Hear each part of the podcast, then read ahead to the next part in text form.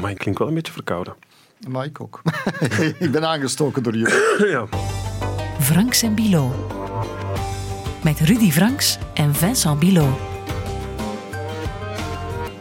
Welkom in deze gloednieuwe podcast, Franks en Bilo. Een podcast met mezelf, Vincent Bilo, aangenaam. Maar vooral ook met buitenlandreporter, oorlogsverslaggever. En hij kan het goed verbergen, maar neem het van mij aan. Algeheel sympathieke peer Rudy Franks. Dag Rudy. Ah, dag, dag Vincent. Ik ben nog iets vergeten eigenlijk. Hè. Laureaat van de prestigieuze Vredesprijs van de Carnegie Stichting, zeg. Straf, hè? Want die prijs heb jij dus enkele weken geleden ontvangen. Hè? Trots op?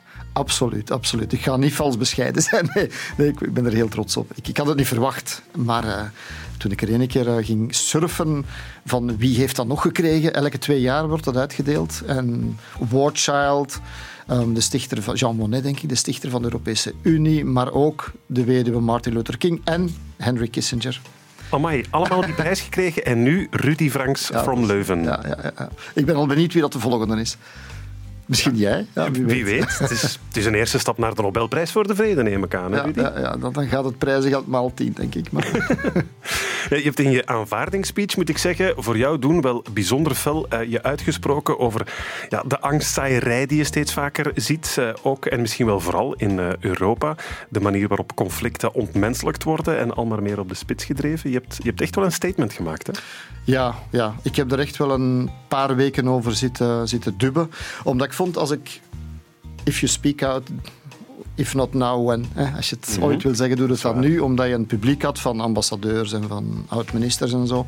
En ook, ik, ik vind dat de tijd gekomen is, na die 30 jaar dat ik die naar oorlogen ga, van, dat ik eigenlijk op basis van wat ik heb meegemaakt toch wel een bepaald inzicht kan brengen. En dat ik, ik ben bezorgd. Ik ben bezorgd over wat zich in onze wereld afspeelt. Niet alleen in oorlog, dat zo veraf is, een exotisch gebeuren.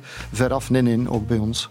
Daar gaan we het straks nog over hebben, Rudy. Want wat gaan we doen in deze podcast? We gaan elke maand de stand van de wereld opmaken. Daar komt het eigenlijk een beetje op neer. Hè? Ja, ja, ambitieus. Ja, we, we, gaan proberen. Ja. Geen, halve, geen halve dingen doen wij. Uh, we zoomen in op uh, ja, de belangrijkste brandhaarden van het moment. Heel erg acute crisissen of net conflicten die misschien niet het wereldnieuws hebben gehaald, maar toch je aandacht verdienen.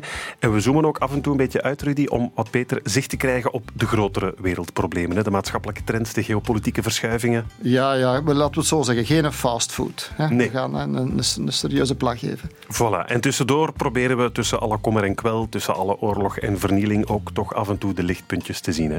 Ja, ja, ja, de occasionele bloemen die soms ook groeien op de grote miststroken van de wereld. De, de, bloemen op de, op de ruïnes. Ja, want als het goed is, Rudy, dan zeggen we het ook.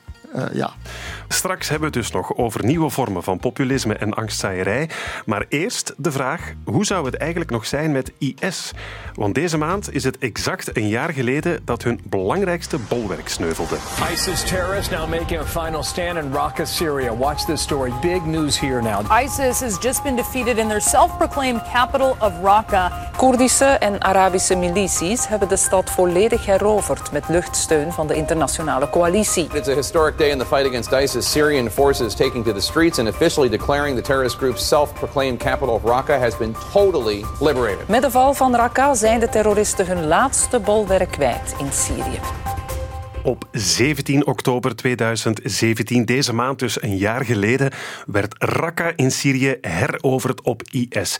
Islamitische staat verloor daarmee de hoofdstad van hun ja, zelfverklaarde kalifaat. De definitieve genadeslag voor IS werd toen gezegd.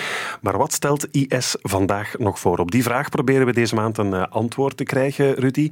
Voor een goed begrip misschien eerst, um, wat is er een jaar geleden op 17 oktober 2017 eigenlijk precies gebeurd daar in Raqqa? Grote opluchting bij mij vooral. Je moet u inbeelden. Drie jaar lang heeft, uh, hebben die zwarte vlaggen van IS eigenlijk mijn leven beheerst. Drie jaar lang dat je van frontlinie naar frontlinie rent. Op, ja, eerst met het opmars van IS, de gruweldaden. En uiteindelijk, uiteindelijk na de val van Mosul eerder dat jaar, vorig jaar.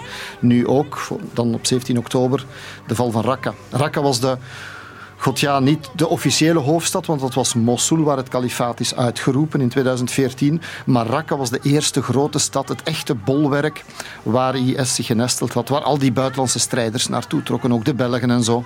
En toen dat daar viel, ja, toen was eigenlijk het over voor het kalifaat als, een, als de droom van het grote rijk. Hè. Mm -hmm.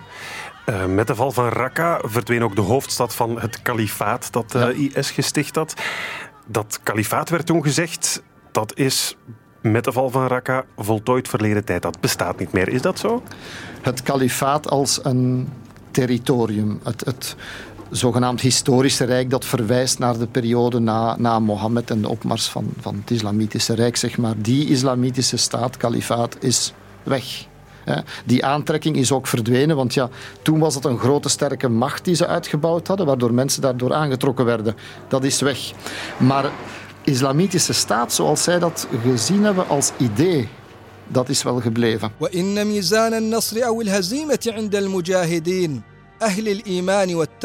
Zelfs op het einde van die, toen hij wist dat het al op vallen stond, heeft al-Baghdadi, de kalif, die nog altijd niet dood is blijkbaar, nog ergens ondergedoken zit, heeft toen ook verklaard, de grootte van ons territorium bepaalt niet of dat wij sterk zijn. Ja, dat is natuurlijk gemakkelijk gezegd als je aan het verliezen bent. Ja, dat is waar. Uh, je zegt ja, hun, hun leider is niet dood. Ze zijn ook wel ergens naartoe natuurlijk, toch, die IS-strijders. Waar, waar zitten die nu?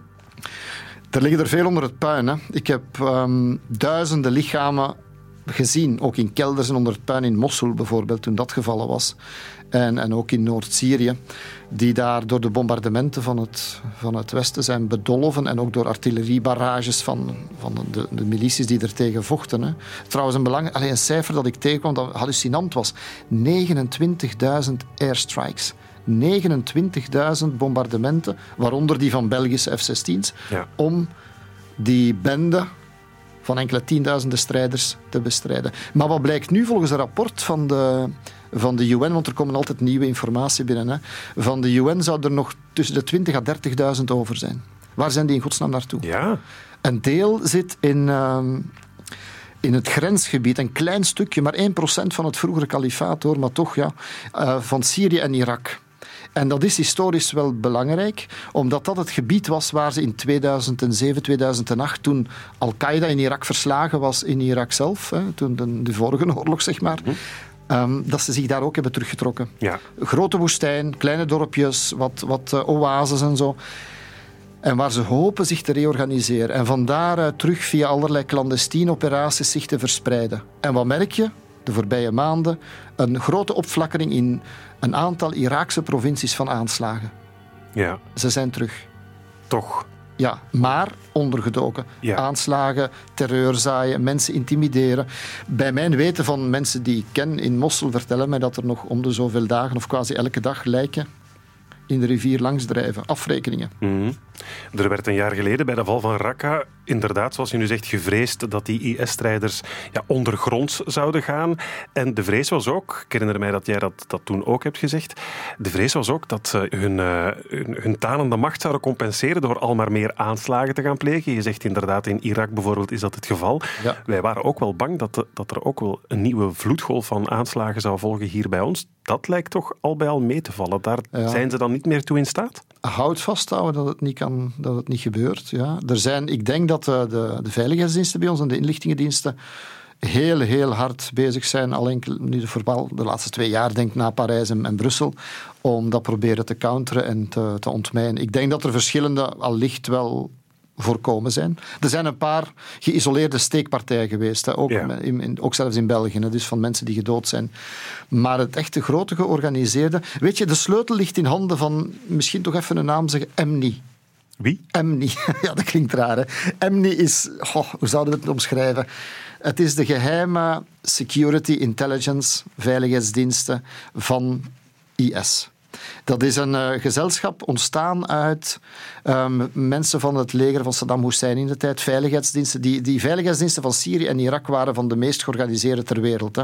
De meest brutale en Ja. genadeloze ook. Een aantal elementen daarvan hebben zich een islamitisch jasje aangemeten. Zijn vroeger allemaal samengekomen in die kampen van de Amerikanen, in gevangenenkampen, waar ook de kalif vandaan komt trouwens. Ehm Bakka-kamp, denk ik, en, en Abu Ghraib, die beruchte Ja, gevangenis van ja. die folteringen. Ze hebben elkaar daar ont- ontmoet en ze hebben elkaar gevonden. En dat is een geheime organisatie die verantwoordelijk is voor propaganda, voor het organiseren, financieren van terreuraanslagen, van netwerken, inlichtingennetwerken, ook in Europa. About. Ik weet niet of de naam je nog iets zegt. Die, de man die achter Parijs zat, die uit België kwam, hè, die terreur... Dat is toch die man met zijn gekke hoedje, hè? Ja, ja, die daar die gruwelijke dingen deed met, Ja. in die een jeep met die lichamen Ja, achter ja, zich. ik herinner mij de beelden. les kuffar, ceux qui nous combattent, qui combattent l'islam.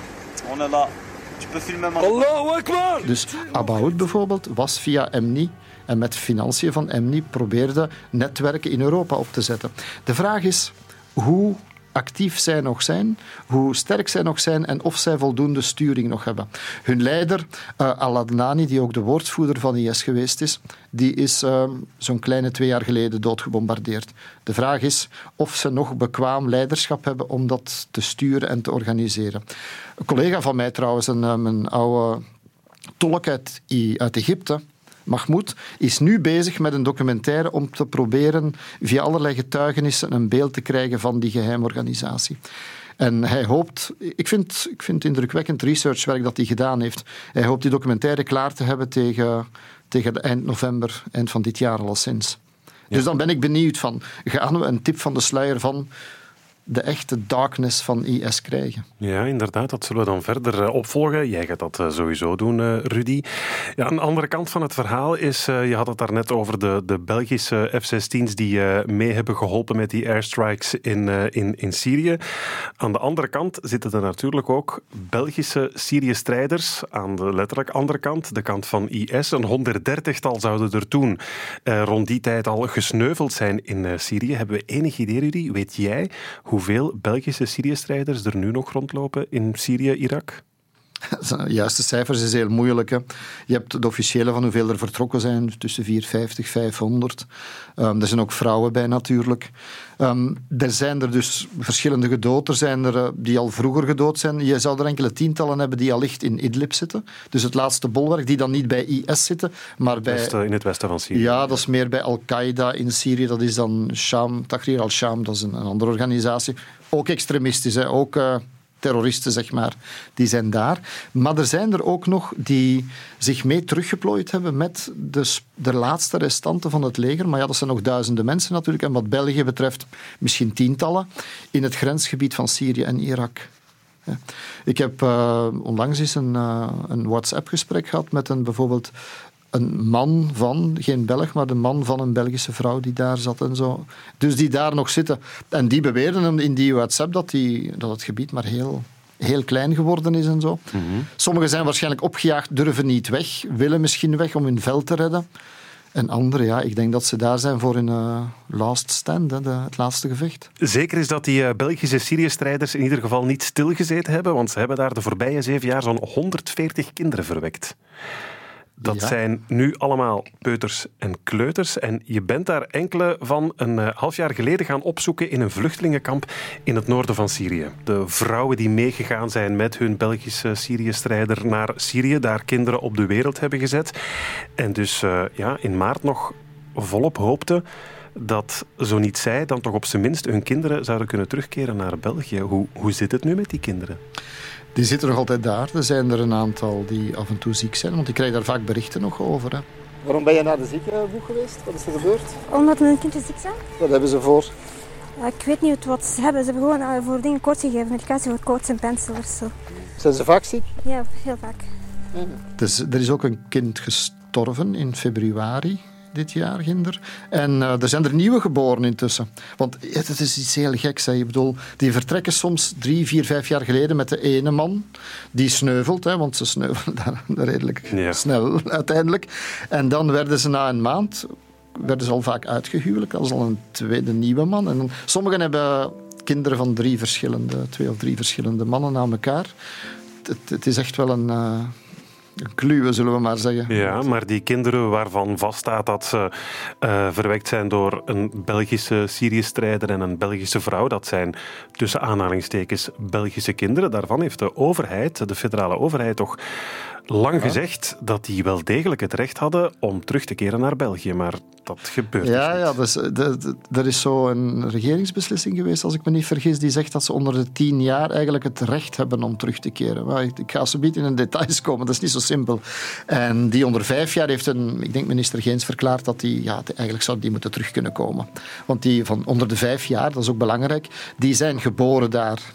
Eh, dan valt het nog te bewijzen van is dat, welk DNA, is dat een Belgische moeder en een Belgische vader, of een van beiden op zijn minst. Ja. Maar die hebben zelf nooit de gruwel meegemaakt. En ik verklaar mij zelfs, maar die hebben het ondergaan. Die zullen wel trauma's hebben. Die, die zijn daar, ja, ze hebben, moeten zij boeten voor de zonde van de, de vaders of de moeders, denk ik dan. Ja. Maar die ouderen, tussen 5 en 10 of 12, dan zit je al, als je tussen 7 en 12 zit, dan ben je misschien in het opleidingskamp of de scholing van IS geweest. En dan, dan heb je al een soort van brainwashing doorgemaakt, vrezen sommige politici bij ons. IS, ja. Door IS. En dat zijn vaak gruwelijke dingen die we ook op internet hebben teruggevonden. Dus dat weet je niet, dat moet je allemaal nagaan. In elk geval, praktisch is er een groot probleem. Dat zijn dus kinderen zonder geboortecertificaat zijn dat wel hun kinderen of niet? Moet dat met DNA-testen bewezen worden? Hoe doe je dat in oorlogsgebied? Diegenen die in kampen zitten, zitten vaak in kampen in uh, Noord-Syrië, Koerdisch gebied. Dat eigenlijk een soort van niemandsland is, juridisch. Ja. dat is een autonoom gebied waarvan de autoriteiten in, in, bij ons, maar ook in Nederland, zo zeggen van ja, daar kunnen wij niet mee praten of onderhandelen, want dat is geen officiële regering. Ja, ja dat is geen instantie. Maar ja, ze bestaan, de kinderen bestaan, de kampen bestaan, we hebben ze gevonden. Nu is de vraag, wat doe je ermee? Ja. Je kan ze ook moeilijk voor eeuwig laten zitten. Ik heb met die Koerdische leiders trouwens gesproken daar. Die hebben nu al twee, drie keren verklaard. Ja, we zijn het beu. Als je ze niet komt halen, als er niks mee gebeurt, om ze zelf te berechten, die moeders bijvoorbeeld daarvan, ja, dan gaan we ze misschien wel de deuren openzetten en dan verdwijnt iedereen. En potentieel, denk ik volgens experts, is dat toch wel een veel groter risico. Mhm. En wat ga je doen met een generatie van gefrustreerde kinderen die groot wordt. Ja, er zijn zoveel dimensies aan. In elk geval, voor mij als journalist lijkt het mij zo dat uw kop in het zand steken nooit de juiste keuze is. Laten we het eh, tot slot misschien nog even hebben over het verdere verloop van die burgeroorlog in, uh, in Syrië toekoer. Met name Idlib, de provincie in het westen, waar we het daarnet al over hadden. Het enige gebied dat nog niet uh, opnieuw in handen is van Assad. Een paar weken geleden werd voor Idlib nog ja, een gelijkaardig offensief eigenlijk aangekondigd als dat tegen IS in Raqqa. Ook dat zou de eindstrijd inleiden, werd gezegd. Niet tegen IS dan, maar tegen de rebellen die dat laatste stukje Syrië in handen hebben. Daar is niet veel van in huis gekomen, hè? Nee, nee, nee, nee. Dat is... Iedereen zat te wachten natuurlijk. De internationale gemeenschappen, de UN, de vluchtelingenorganisaties. Want daar zitten drie miljoen mensen bij elkaar. Daar woonden al anderhalf miljoen mensen. Er zijn nog anderhalf miljoen vluchtelingen intern van Syrië bijgekomen. Van al die andere steden die Assad en de Russen en de, enzovoort heroverd hebben, hebben ze al die mensen of met bussen naar Ginder gevoerd of naar daar laten vluchten. Waardoor je daar een concentratie kreeg, en zo de laatste groeperingen, en van vluchtelingen, die zij wantrouwden, want die waren sympathisanten van, de, van het verzet, Mhm. en ook van allerlei milities. Een groot deel van dat gebied wordt gecontroleerd door Tahrir al-Sham. Dat is een... Uh, Sham is, wil Syrië zeggen eigenlijk, hoor, gewoon simpelweg. Dat is een soort van Al-Qaeda, Al-Nusra in Syrië. Extremistische radicale rebellen, waaronder ook wat Belgen en buitenlanders, die daarvoor gekozen hebben. Wat doe je daarmee? Nu is er daar, de Turken vreesden, een buurland daar, dat al die misschien een miljoen vluchtelingen plots naar hen zouden komen. Ja, ja, Als ze daar Turkije zitten, grenst aan ja, dat soort van overloopeffecten. En misschien vreest men bij ons in Europa dat er dan weer een nieuwe stroom van vluchtelingen naar ons komt, net zoals een paar jaar geleden. Dus we zaten met een fundamenteel probleem. Ze hebben lang getouwtrek achter de schermen onderhandeld. Turkije, Rusland, waarschijnlijk ook het Westen misschien. En daar is een akkoord gekomen. Ehm, plots, last minute, is uit de lucht gevallen. Een uh, bufferzone zou er komen tussen het Russisch-Syrisch um, Assad-gedeelte en die rebellen van 15 à 20 kilometer. Ze zouden zich terugtrekken en dat zou gedemilitariseerd worden. Geen zware wapens, soldaten uit weg, milities uit weg. En dan zou er niet gevochten worden. Nu, iedereen, de wereld zegt oef. Ja. Maar en wat dan met de rest? Wil dit gewoon, is dit gewoon de voorbode van een soort van salami-techniek, hè, tactiek van een sneetje weg, maar ze blijven daar wel zitten. Ik Ja, kan me niet inbeelden dat men Tahrir al-Sham, die eigenlijk niet wil meewerken, dat, dat men die extremisten daar gaat laten zitten. Men gaat daar toch geen soort van nieuw mini-Al-Qaeda-achtig kalifaatje laten ontstaan. Ja, ja, inderdaad. Dus vroeg of laat ontploft dit. Dit is gewoon even het deksel op de drukkookpan en wachten tot het opnieuw afvliegt, volgens mij. Vrede in Syrië, laat staan algemene wereldvrede. Het is nog niet voor morgen, hè, Rudy. nee, nee. Maar om te vermijden dat het hier allemaal doom en gloom wordt, ik ken jou, wil ik eh, deze maand toch ook een kleine positieve trend aanstippen. Een getal apart. Ja, elke maand neem ik hier even letterlijk een getal apart. Een cijfer, een statistiek dat voor een lichtpuntje kan zorgen. Waar je het misschien niet zou verwachten. En een hoopgevend cijfer dat ik deze maand tegenkwam, Rudy, was een cijfer in de ranking die het Nederlandse tijdschrift Elsevier elke uh, maand of elk jaar, geloof ik, opstelt van de beste universiteiten ter wereld. In die lijst van de duizend beste universiteiten duikt voor het eerst weer de Universiteit van Bagdad op. Echt waar. Schoon, hè? De Universiteit van Bagdad, ik hoor je een beetje cynisch reageren, maar de Universiteit van Bagdad, Rudy, die staat op toch wel een verdienstelijke 801ste plaats wereldwijd. Dat is toch hoopgevend? Ja, try me. Ik heb uh, de cijfers opgezocht. Leuven, hè, waar ik, mijn alma mater, ja. staat op 48. Nou, ja, we staan nog een beetje verder. Hè? Dat is, dat logisch, dat is logisch. Maar goed, Bagdad ja. en bij uitbreiding Irak komt van ver. Hè? Dat, dat land dat is, is tot puin geschoten de voorbije jaren. Dus dat is toch een hoopgevend signaal.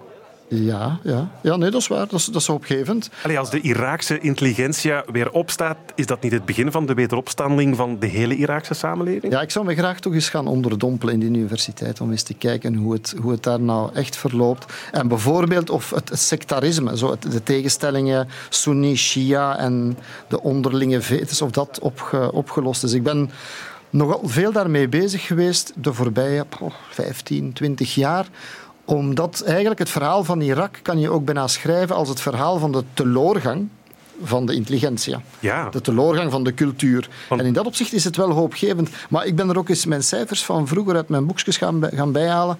En daaruit bleek dat in die jaren in Irak, 2003, 2008 en langer, 500 500 professoren en co van Bagdad en omgeving, dus de Iraakse universiteiten, mhm. vermoord zijn. Ja, door, om sectarische redenen, Shia door Sunni en omgekeerd. Ja. Dat er meer dan, zo'n 3000 al gevlucht zijn, waaronder veel naar België ook en, West-Europese landen. Tja, tja. Ik ben ook in. Uh, weet je wat voor mij de lakmoesproef is? Want ik heb graag als, als ik naar die landen ga, journalist, moeten mij een wereld van vlees en bloed, van echt met mensen kunnen omgaan. Hè. Ik ga altijd naar uh, El Moutanaibi. Als je ooit meegaat naar Bagdad, zal ik u meepakken naar daar. Op de vrijdag gaan we naar El Moutanaibi. Okay. El Moutanaibi is in het oudste deel van uh, Bagdad. Zo'n zuilen, oude zuilen, die bijna scheef zakken van, van, het, ja, van de miserie, zeg maar, versleten. En dat is een klein zijstraatje, zo'n oude zoekstraat, waar de boeken liggen. Het boekenstraatje van Bagdad heet dat. Je kan er een boek over schrijven eigenlijk. Ik heb gezien vanaf 1990, 91, toen ik voor het eerst in Bagdad kwam, dat op een bepaald moment de geschiedenis van de wetenschap, de cultuur en, en, het, en het denken gestopt is daar. Door het embargo van de buitenwereld kwamen er geen nieuwe boeken meer binnen. Dus alle boeken daar stopten. De laatste boek was van 1990. Het land werd intellectueel niet meer gevoed. Drooggelegd ja. gewoon. Het mocht niet meer van buitenuit en ook van binnenuit door de dictatuur. In die periode zijn ook veel intellectuelen gevlucht naar het buitenland. Bon, dus dat bleef maar zo.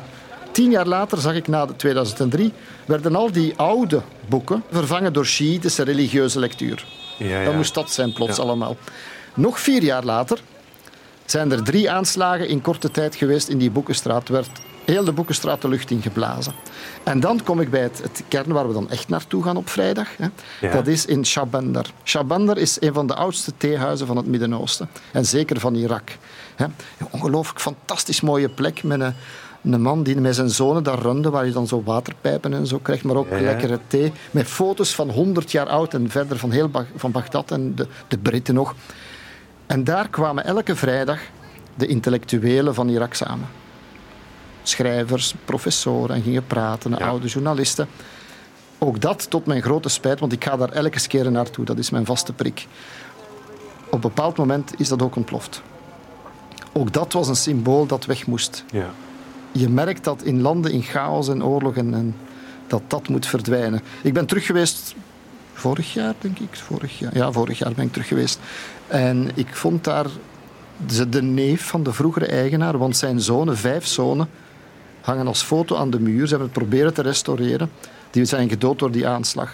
De oude man is van verdriet gestorven, net zoals zijn vrouw. En de familie neemt het nu verder over. Maar, maar, er wordt terug tegengeschonken. En er komen terug schoorvoetend op vrijdag zoals schrijvers en, en, studenten. En ze komen terug, ze komen terug. Dus die 800ste eerste plaats, Ik hoop het. Ik hoop het eerste echt. Ik hoop het echt. Het Ja. is een eerste stapje, Rudy. Ja. En hopelijk na de Universiteit van Bagdad volgt binnenkort ook in een gelijkaardige ranking de muziekschool van Mosul. Ja, ja, daar zijn we volop mee jij bezig. hebt heropgestart hè, door inderdaad die inzamelactie te houden van instrumenten en die eh, muziekschool opnieuw eh, Dat, daar dat maakt de het verschil. Je hebt gelijk een positief. Ja. Dat, dat zijn die bloemen op de ruïnes. Voilà. Kijk, dat hebben we bij deze toch even aangestipt. Misschien zijn er toch schoorvoetend een paar nieuwe stapjes in de goede richting in Bagdad. En dat mogen we toch ook gezegd hebben.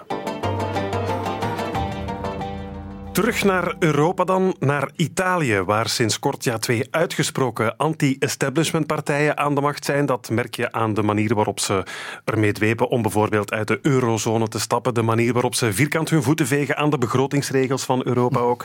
En eh, vooral aan hun harde migratiebeleid, of moet ik zeggen hun anti-migratiebeleid, Rudy. Ik denk dat je dat mag zeggen, ja. Ja. Je kan moeilijk spreken over een migratiebeleid echt in Europa bij uitbreiding. Maar in dit geval van Italië over een anti-migrantenbeleid. Ja. Ja, want de afgelopen zomer hebben ze bijvoorbeeld al geweigerd een aantal keer om eh, ja, boten met vluchtelingen te laten aanmeren eh, aan Italiaans grondgebied. Hè? Ja, ja, maar ik, ik praat vaak, omdat Italië is zo'n beetje mijn tweede vaderland, zeg maar. Hè. Ik, ben- ik ben er heel vaak.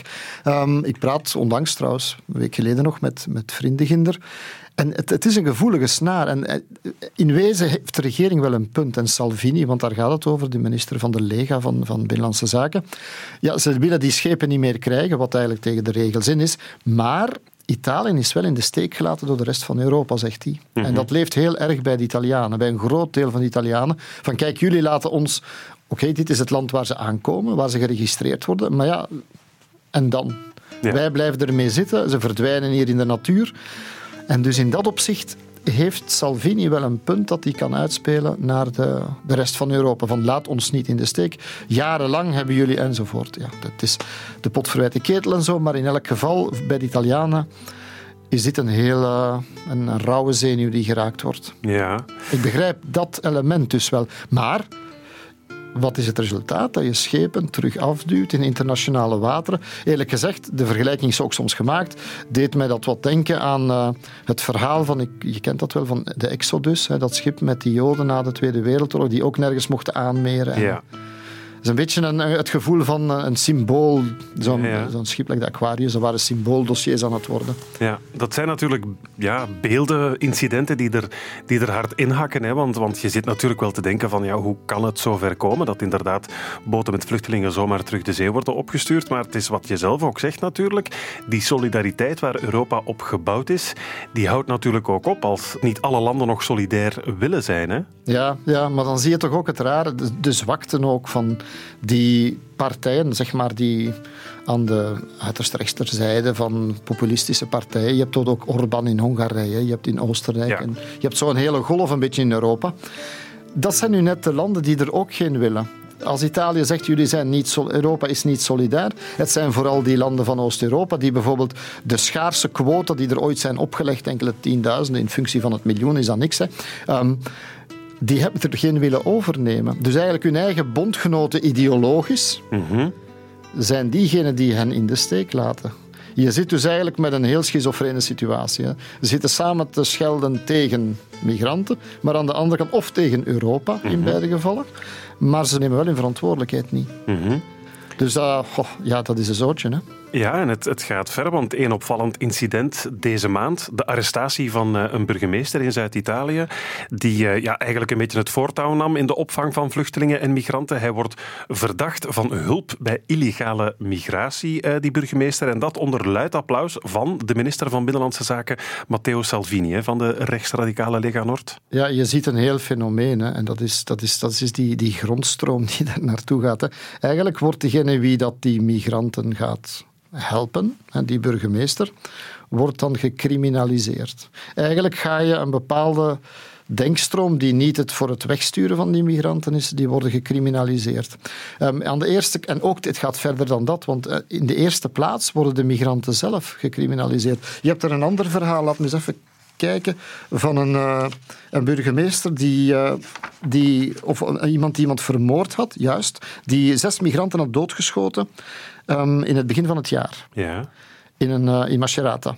Die, uh, die was van de Lega, bij de politieke partij van de Lega geweest, is veroordeeld. Maar Salvini heeft hij dan gezegd, ja dat kan niet, maar tegelijkertijd zegt hij, unchecked immigration brings chaos en anger, brengt dus chaos en woede mee van de bevolking. Dat kan ik nog volgen. En dan komt erbij, en ook drugsdealers, diefstallen, verkrachtingen en geweld. Dus eigenlijk wordt diegene die het gedaan heeft, de echte de moordenaar, ja, ja juist, maar de slachtoffers worden mee gecriminaliseerd. Ja, dus je krijgt eigenlijk een soort, een toch wel God, ja, zou ik het woord duivels nemen, maar toch wel een, een heel uh, duister mechanisme dat in gang wordt gezet om mensen tot minder mens te maken, tot onmens te maken, tot misdadigers. En dan kan je er uiteindelijk mee doen wat je wilt. Dan wordt het bijna verklaarbaar. Mhm. En dan kwam ik, ik, ik merkte dit vorige zomer in Italië. Want La Repubblica, die krant die ik daar dan lees, die hield die bij, al die statistieken, dat er elke week een paar incidenten waren van of schietpartijen tegen migranten of of, of geweldplegingen tegen migranten.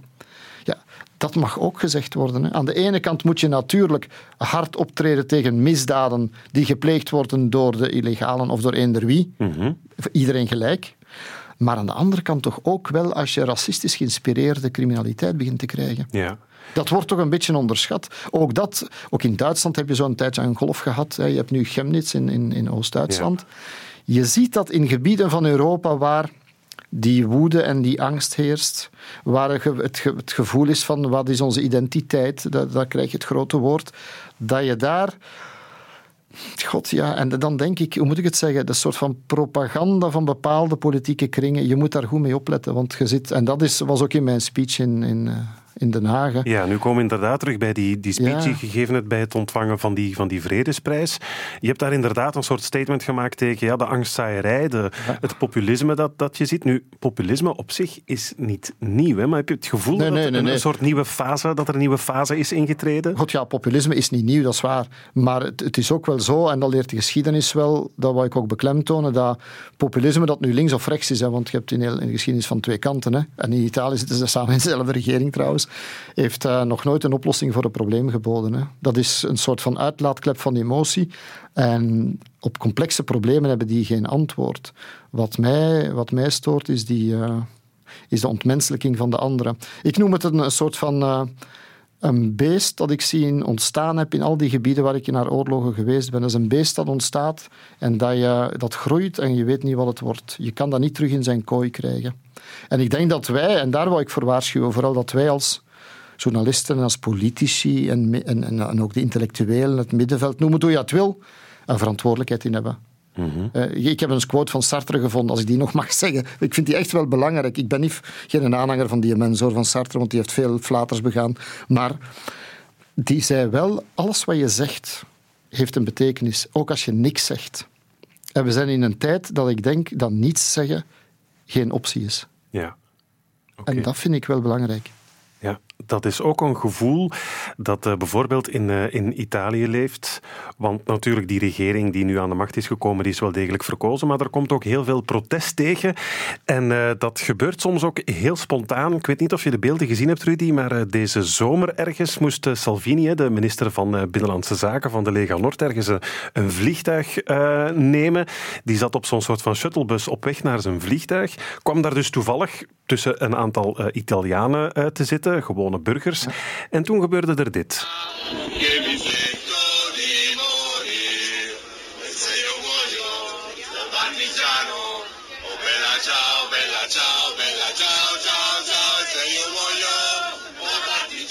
Ja, mensen die uh, de Netflix-serie La Casa de Papel hebben gezien, zullen het waarschijnlijk uh, herkennen. Het is weer een soort cultnummer geworden, Bella Ciao. Oorspronkelijk een... Ik kende het al vroeger ook. Ja, dat, dat zal wel zijn. Een, een antifascistisch strijd. Een Italiaanse vriend Kok zingt trouwens regelmatig, ja. Nu wordt het dus duidelijk wel weer opgerakeld, opnieuw, om zich uh, af te zetten tegen ja, wat zij dan wellicht zullen beschouwen als de nieuwe fascisten, zeker. Dus er is wel een tegenstem, hè, Rudy? Ja, de vraag is wat, wat de grondstroom, wat de buik, het buikgevoel geeft. Hè. En tegens, ja, ja, je krijgt een verdeeld, een verdeeld land op die manier natuurlijk. Hè. Je krijgt een verdeeld land. Maar als je de opiniepeilingen gelooft in Italië, maar het is maar opiniepeilingen. Salvini had 17% denk ik met zijn Lega. En dan de andere, eh, Cinque Stelle, de linkspopulisten, hadden in de 20, 30 procent ongeveer. Nu, bij, als er nu zouden verkiezingen zijn, zou Lega al direct misschien ook 30 procent halen. Dus het slaat wel aan. Dit harde discours tegen die illegale migratie sla, slaat wel aan. Maar je hebt die tegenbeweging. En ja, maar je ziet het zelfs in Amerika. Amerika met Trump en zijn vorm van populisme is ook een diep verdeeld land. Het is blijkbaar eigen aan onze tijd op dit ogenblik en Europa ontsnapt daar zeker niet aan om een soort van diepe verdeeldheid en polarisering te krijgen. Bij ons uitzicht dat rond het migratiediscours. Ja, en ik onthoud vooral dat in deze tijden zwijgen geen optie is. En dat doe jij dus ook niet, Rudy. Zwijgen wel in tegendeel. En echt wel overal. Franks en Bilo. Overal zeg ik Rudy, want jij bent dit najaar niet alleen te zien op de televisie zoals altijd en ook in de boekhandel met eh, jouw nieuwe boek, maar ook in de culturele centra. Ja. Je, ja, je doet mee aan de voorstelling Vriend of Vijand. Je bent Ja, precies zelf een ik, beetje ik wil bij verbaasd. deze toch beklemtonen dat ik niet ga zingen. Dat is mijn grootste frustratie. Dat ik is altijd gebuist voor zang. Enorme opluchting, Rudy, maar je doet dus mee aan een theatervoorstelling rond de verzameling oorlogssongs van Bram Vermeulen. Ja. Nu, van wijle Bram Vermeulen eh, wist ik dat hij al eens graag een glas rode wijn lustte, maar juist. wat heeft Bram Vermeulen met oorlog? Ik heb mij laten vertellen trouwens door zijn eh, dochter, Catharina, die de liederen gaat zingen ook. Hè, Samen met een aantal topmuzikanten eh, die, die met hem vroeger gespeeld hebben ook. ehm, dat hij eigenlijk een beetje geloofde dat hij de reïncarnatie was van een, een officier aan het front in de Eerste Wereldoorlog.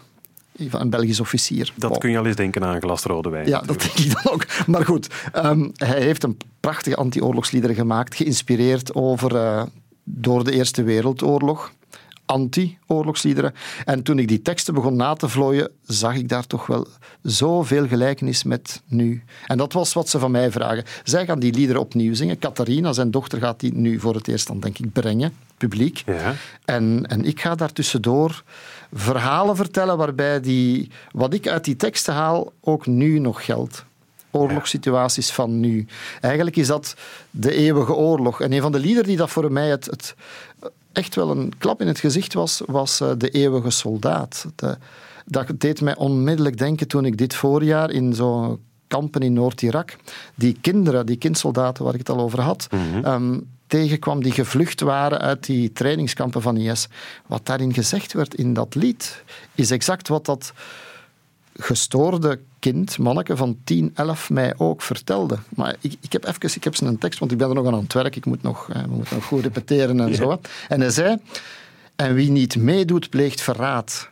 Die eh, pest hij meteen weg. Niemand leerde hem dat, maar hij weet alles van haat. De jongen is soldaat, een soldaat van negen. En dan gaat hij verder over dat die jongen ook een, een handgranaat werpt en met zijn geweer op wacht staat. Als ik dat, dat, dat manneke bezig zag, ja, dat gooide granaten, dat werd getraind om mensen te, te onthoofden. De eeuwige soldaat. Wat ik vreemd vind van Bram Vermeulen, of merkwaardig, is dat hij zoveel dingen over oorlog aanvoelde. Oké, hij was een reïncarnatie misschien, maar hij heeft hem toch nooit meegemaakt. Hè? Nee, nee. En ik heb ze wel gezien. Hè? Ja, En toch was hetzelfde. oké. Een verwante ziel. Ja, ik heb hem nooit gekend, maar toch, ik vind het... Ik, ben, ik, ik kijk er zelf naar uit, maar ik heb ook een beetje stage fright, of hoe noemen ze dat? Hè? Zo, angst, podiumangst. Ja, zeker nu natuurlijk die eh, miljoenen luisteraars van onze podcast ook allemaal gaan komen kijken natuurlijk naar Vriend of het zijn uw fans, hè?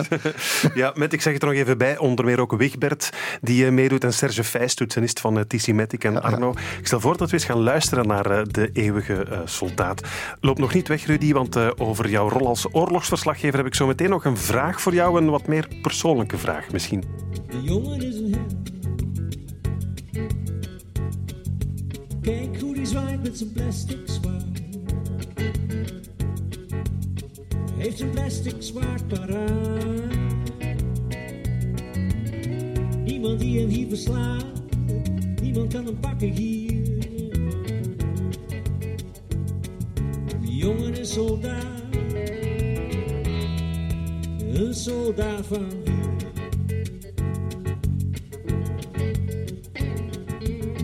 Met een emmer als hem speelt hij de beelden van het journaal. Hij doet het voor, hij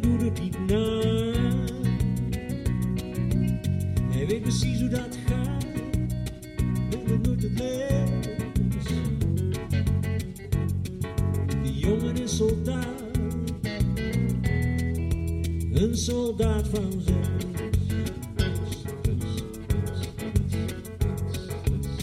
Met zijn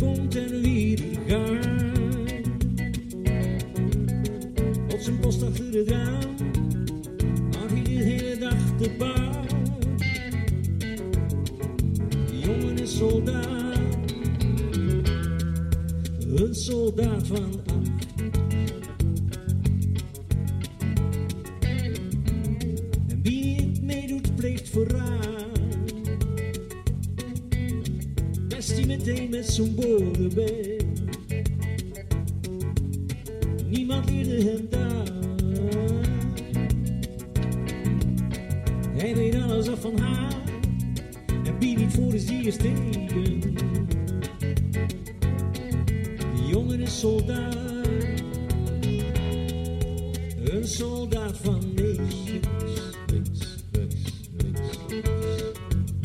En s'nachts stijgt hij onder de dekens weg. Buiten waait de wind. Dat moet hij niet doen. Straks staan ze binnen. En je kan ze niet zien.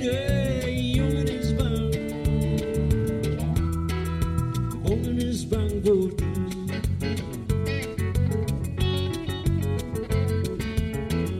Kijk naar onze held. En kijk hoe die gooit met zijn namaakgranaat. Hij valt voorover op de grond tot hij inslaat. Niemand leest hem daar. Hij weet het allemaal vanzelf. De jongen is soldaat. Een soldaat van links.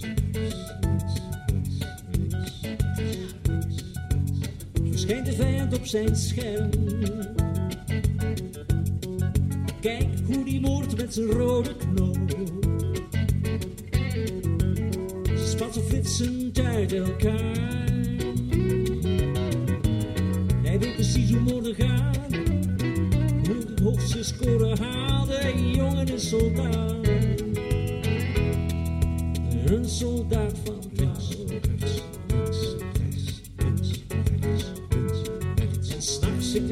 zijn bed rechtop. Want de gordijnen bewegen. Dat moeten ze niet doen. Het moet stil zijn daar. Onder zijn kussen ligt zijn wapen klaar.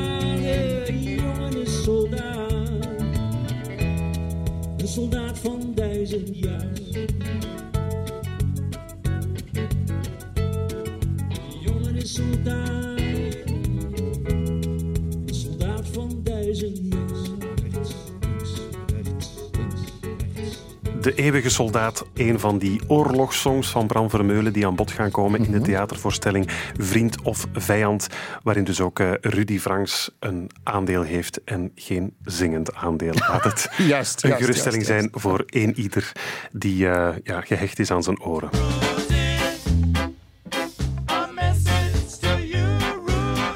Ja, dat was ik je nog vergeten te zeggen, Rudy. Elke maand ga ik jou ook nog een vraag van onze luisteraars voorleggen. Eh, ja, en ik mag dat niet weten of zo. Zeg maar, a message to you, Rudy. We zien jou bijna dagelijks op tv, Rudy, of toch zeker als de wereld weer eens ergens in brand staat. Maar kennen we jou eigenlijk wel echt? Er zijn vast wel mensen die jou al heel lang graag iets willen vragen. Dus wie dat wil, kan zijn vraag altijd even doormailen naar franksenbilo.vrt.be. Dat is Franks met CKX, de N voluit en dan Bilo schrijf je met B-Y-L-O-O. Dus franksenbilo.vrt.be. Maar ja, aangezien dit onze eerste podcast is, Rudy, en er dus nog geen vragen zijn binnengekomen, neem ik gewoon even de vrijheid om je een vraag voor te leggen waar ik zelf eigenlijk al heel lang mee zit. Ja, doe maar. Ja. Mijn message to you, Rudy, dat sjaaltje. Rudy, elke keer Als jij op tv komt, in het journaal, in Ter in de afspraak of in een van je documentaire reeksen op Canvas, of je nu op het Tahrirplein staat in Cairo, in de muziekschool van uh, Mosul of in een vluchtelingenkamp in Syrië, overal en altijd sta je daar met dat onafscheidelijke sjaaltje van jou. Waar komt dat vandaan? dat, dat, ja. Goh, ik heb een hele collectie hoor, hè, voor alle duidelijkheid. het is niet één sjaal, nee, je, hebt, nee, een, een hele collectie. Nee, je wilt, ik, ik, ik, ik, ja, ik heb die na een tijd begonnen ik dat zelf te verzamelen bij mij van spreken. Ik heb een, een halve kast vol liggen. Hè, je wilt. Maar goed, ik heb wel een paar favorieten, juist. Ik, uh, ik heb die van... Uh, ik heb een, uh, een leverancier, zeg maar, in mijn dorp in Italië die daar een winkel heeft. Niet alleen van sjaaltjes, maar ook in Leuven. Ja. Maar die van Italië die is daar bijzonder trots op. Hè. Die heeft ze zelfs in zijn vitrine zitten hangen om alle mogelijke Belgische toeristen te lokken. daar sjaaltje. En hij zegt het dan ook tegen elke Vlaming die daar durft een voet binnenzetten van ja, hier komen de sjaaltjes.